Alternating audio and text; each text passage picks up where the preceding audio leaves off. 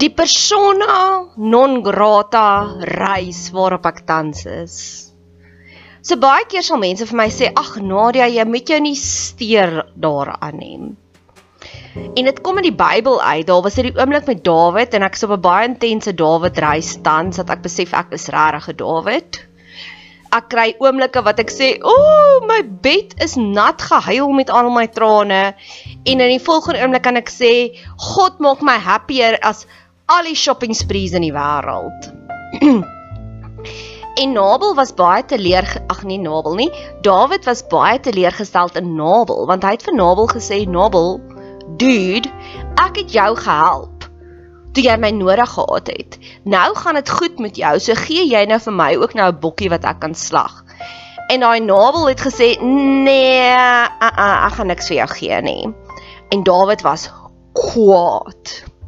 En Dawid was op pad om vir Nabel te gaan vermoor. Toe kom Nabel se vrou Abigail na hom toe en sê en sê vir Dawid, moet jou nie aan Nabel steur nie. Hy's 'n idioot. Sy naam beteken idioot. Nadia weergawe. Dit staan nie so in die Bybel nie, maar as jy tussen die die lyne lees, dit is wat daar staan. En ek het vir jare lank vasgehou aan daai oomblik, soos mense sal dit ook vir my sê, moet jou nie steur aan daai persoon nie. En dan sal ek sê, "Julle, ek weet nie hoe om my nie te steur nie. Ek is 'n empath. Ek floreer op as dit goed gaan met ander mense, kry ek joy. Soveel so dat een van my ex-kerels, ex-ex-ex-ex-ex-kerels het nou die dag vir my die grootste kompliment gegee. Toe sê hy, "Nadia, jy is die enigste mens wat ek ken wat soveel suiwer joy het as dit goed gaan met iemand anders. As ek ooit die lotto sou wen, sal ek jou heel eerste bel want net jy sal bly wees. Almal anders sal wonder, okay, jy het nou die lotto gewen, so hoeveel geld gaan jy vir my gee? En ek love sulke oomblikke van 'n self-fulfilling prophecies, want 'n week later het hy baie organically, daai was 'n Holy Spirit moment for excellence. Skus vir al my Engels, maar die Engels sê dit net beter en ek is 'n groot ek 'n kommunikeerder, my boodskap is my belangriker as wat 'n taalpurist is het hy opgedaag by my werk sonder 'n afspraak en ek is 'n mondhygiënis so ek werk op afsprake. Ek kan nie net ek is nie 'n bemarker of 'n CEO of so iets dat ek net kan sê, "Oké, okay, ek sal later hierdie spreadsheet klaar maak, kom ek kuier nou eers met jou nie." Nee. Ek met my pasiënte is my top prioriteit as ek by die werk is. En het opgedaag op die regte tyd toe ek 'n uur opening gehad het. En hy het gesê, jy het al lankal teruggevra vir hierdie boek. Hierso is die boek en ek sê, "Wow, ek het nou hier oop. Kom ons gaan sit en chat in my spreekkamer." En terwyl ons al sit en chat en ons gesels oor diep goed en oef, dis baie lekker, kry hy 'n SMS. En die SMS stel hom in kennis. Hy het 'n groot lomp som geld. Hy kan 'n klein karretjie gaan koop met die lomp som geld, dis so baie gekry het van Discovery teruggekry. Ek weet nie hoe dit werk nie. Nou soos nee, kyk wat het nou net gebeur. Net nadat ek verlede week vir jou gesê het jy sal die eerste oproep wees met 'n loterie wending. Kyk hier is ons die geld. En ek sê wow. Okay, so vir my om my nie te steur aan mense nie. As dit sleg gaan met jou, voel ek jou pyn. Ek kry jou jammer. Ek worry oor jou. So ek het nie net 'n knoppie in my siel wat ek kan aanskakel en afskakel nie. En ek wil ook nie, ek wil nie myself comfortably numb maak nie. Ek wil nie ek dink die feit dat ek 'n empath is, is 'n groot geskenk wat God vir my gegee het. Want Jesus was ook so. Jesus het toe hy die die weduwee van Nain gesien het, het hy so seer gekry vir haar seer. Hy kon dit voel in sy darmes en ek kan dit ook so voel. So maar, so ek kan nie daai knoppie afskakel nie en ek wil ook nie daai knoppie afskakel nie. Ek wil die lewe in al sy dimensies sien. Ek wil die hele reënboog sien. Ek wil nie net swart en wit sien nie. Maar wat ek wel kan bestuur, ek kan mense uitskuif uit my lewe uit ek kan mense persona non grata maak. Maar weet jy wat? Ek is hartseer vir jou hartseer, maar ek gaan nie toelaat dat ek daai hartseer wat jy beleef in my darmes gaan sit nie, want jy is nie belangrik genoeg vir my nie. En dis wat ek kan beheer. Ek is hartseer oor Oekraïne. Maar ek kan nie dat dit my lewe bepaal nie. Ek gaan nie die hele tyd daaraan dink of daaroor top nie en dis dieselfde hartseer wat ek wil beleef. Ek was hartseer toe Prins Charles oorlede is en ek was hartseer vir Queen Elizabeth. Maar dit was 'n oomblik van hartseer. En ek is nou op hierdie reis van mense gaan persona non gratas word in my lewe. Die mense wat ek toelaat, wie se emosies ek wil ervaar, jy moet 'n investeerder wees in my lewe voordat ek vir jou daai voorreg gee.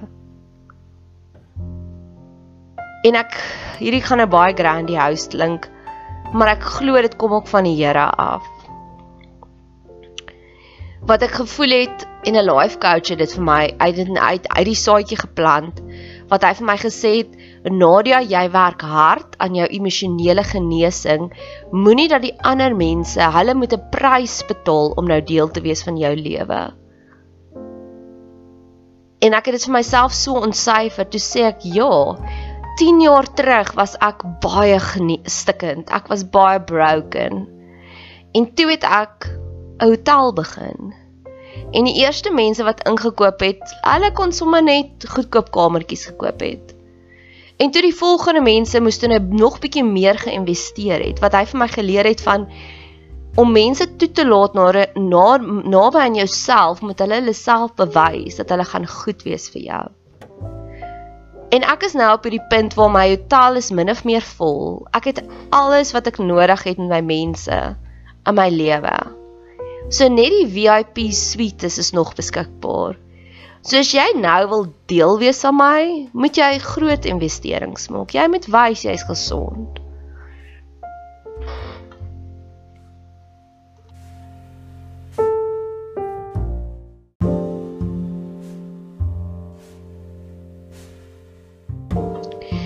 Dis so goed soos as jy werk aan jou emosionele genesing en ek neem aan jy doen want jy het nou al klaar so ver in die pot gooi geluister. En as dit nie vir jou was nie, sou jy al lank al ophou luister het. So ek wil vir jou sê, die feit dat jy net al so ver geluister het, sê vir my jy werk ook baie hard aan jou eie emosionele genesing. Jy is die CEO. Enige iemand kan instap in enige organisasie, selfs Virgin Atlantic, enige een van die Virgin brands en jy kan dadelik met die ontvangsdame gesels. Maar sê vir die ontvangsdame ek ek eis om nou met Richard Branson te gesels. Sy gaan vir jou lag. En so kan jy ook jou eie barriers in plek sit om te sê ek is nie meer die ontvangsdame nie. Ek is nou die CEO. En jy gaan deur sekere hoops moet spring voordat jy by my kan uitkom. En ek weet daar's 'n stemmetjie in jou kop waarskynlik wat nou vir jou sê, oh, "Dis grandiose. Ek kan nie so baie van my dink nie." Weet jy wat? Ek werk met baie mense. En mense wat 'n lae selfbeeld het, doen meer skade as wat mense wat so bietjie te veel van hulle self dink. Mense wat 'n lae selfbeeld het wat insecure is, doen baie meer skade So wees dink eerder te veel van jouself want jy gaan waarskynlik baie gesonder wees. Jy gaan waarskynlik 'n baie beter impak hê in die wêreld. En ek weet die duiwel is uitgeskop as gevolg van hoogmoed, maar die Here sal ons ook beskerm. Hy sal ons ook die die Here gee so gereeld vir my humble boy, nee, ek kan nie vir jou sê die Here hou my nederig. Byvoorbeeld. Hoor hierso oor die naweek, ek is betrokke by 'n nuwe organisasie of dit is 'n bes lank bestaande organisasie, die Kameeldrif Trauma Sentrum en ek is nou so 'n bietjie van hulle bemarker. En ek I was on fire. Jy weet daai liedjie van Alicia Keys, "Oh, the school is on fire." Die naweek, soos op soveel verskillende vlakke. En ek het vir hulle die mooiste artikel geskryf waarmee ons nog kan woeker, nê, nee, maar die artikel was is next level. En ek het die artikel deurgestuur vir die volgende stakeholders en hulle reaksie was hulle het 'n verskriklike mooi kompliment vir my gegee van Nadia, ons is so bly ons het jou ontmoet. Jy is goud werd, dink ek dis wat hulle gesê het. En dis nie mense wat baie emosioneel is oor die algemeen. Die vrou is soos 'n ekspolisie man, vrou en jy kan dit sien in ons. Sy's soos daai tipe A persoonlikheid. So vir haar om 'n kompliment, so groot kompliment te gee, weet ek mos baie gevat het. Maar Ek sal gewoonlik een Word dokument oopmaak en dan sal ek begin skryf vir die fale en dan sal ek copy and paste, né? So ek het een Word dokument oopgemaak, so ek het hulle stunning artikel geskryf. Kort daarna het ek 'n Facebook opstel geskryf oor mense wat vir my komplimente gee. En daarna het ek 'n baie baie persoonlike intieme boodskap vir iemand geskryf wat ek regtig vir my hart geopenbaar het en ek was vulnerable daarin. Dit is nie 'n boodskap nie. In teendeel, ek het die boodskap nooit eers vir daai persoon gestuur nie want ek het na die tyd gevoel, Nadia, this is a little bit too much. Hou dit eerder in jou argiewe en jou stoorkamers van jou hart. Soos Maria Jesus se ma wat baie dinge in haar hart bewaar het. Baie kere sal ek iets maak, maar dit nooit publiseer nie. Dit was net iets vir myself. Dit is 'n journal entry, dis net vir myself. So ek het nie eers die guts gehad om dit vir die ontvanger te stuur van hierdie boodskap wat sou geweet het wat die konteks en hoe vulnerable was ek in daardie oomblik nie. En toe stuur ek hierdie artikel na hierdie organisasie toe. Ek het letterlik daai mense die Dinsdag ontmoet en die Saterdag toe stuur ek vir hulle hierdie artikel. Maar ek het nie net die artikel gestuur nie, ek het die hele Word dokument gestuur.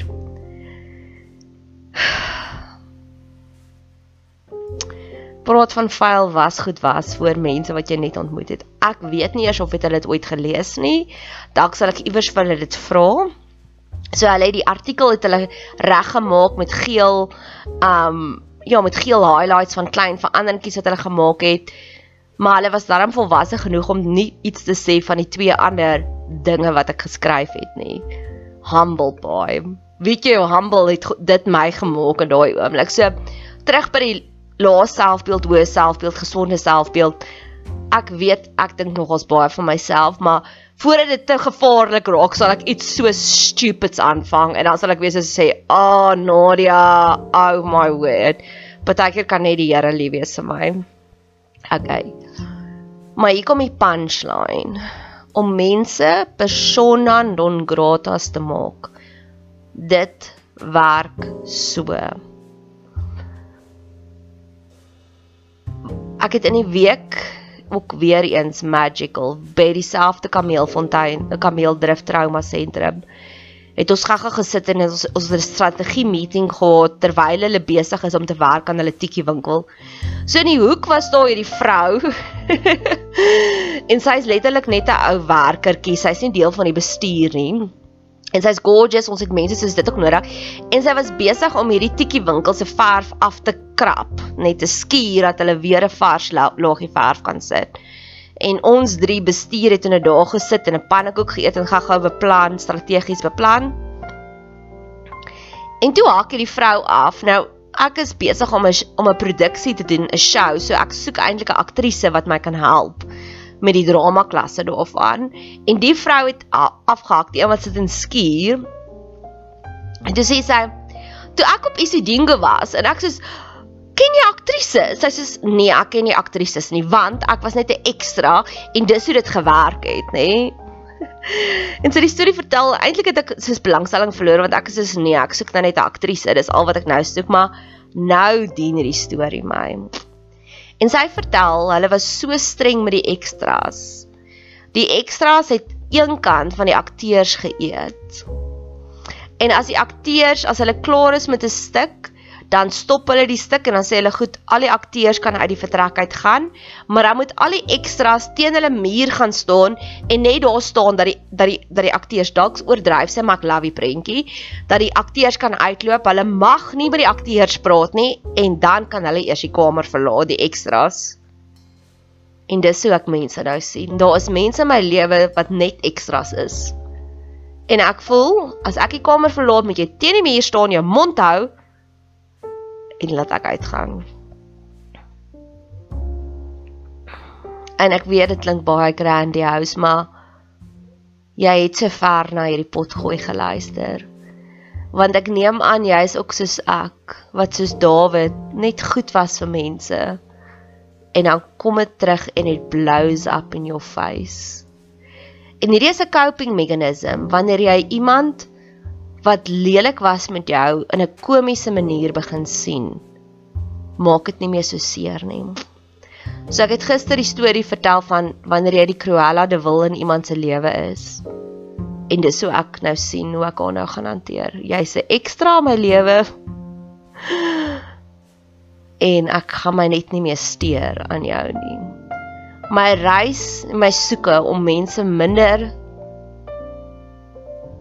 reg te gee in my lewe. Jy is 'n persona non grata.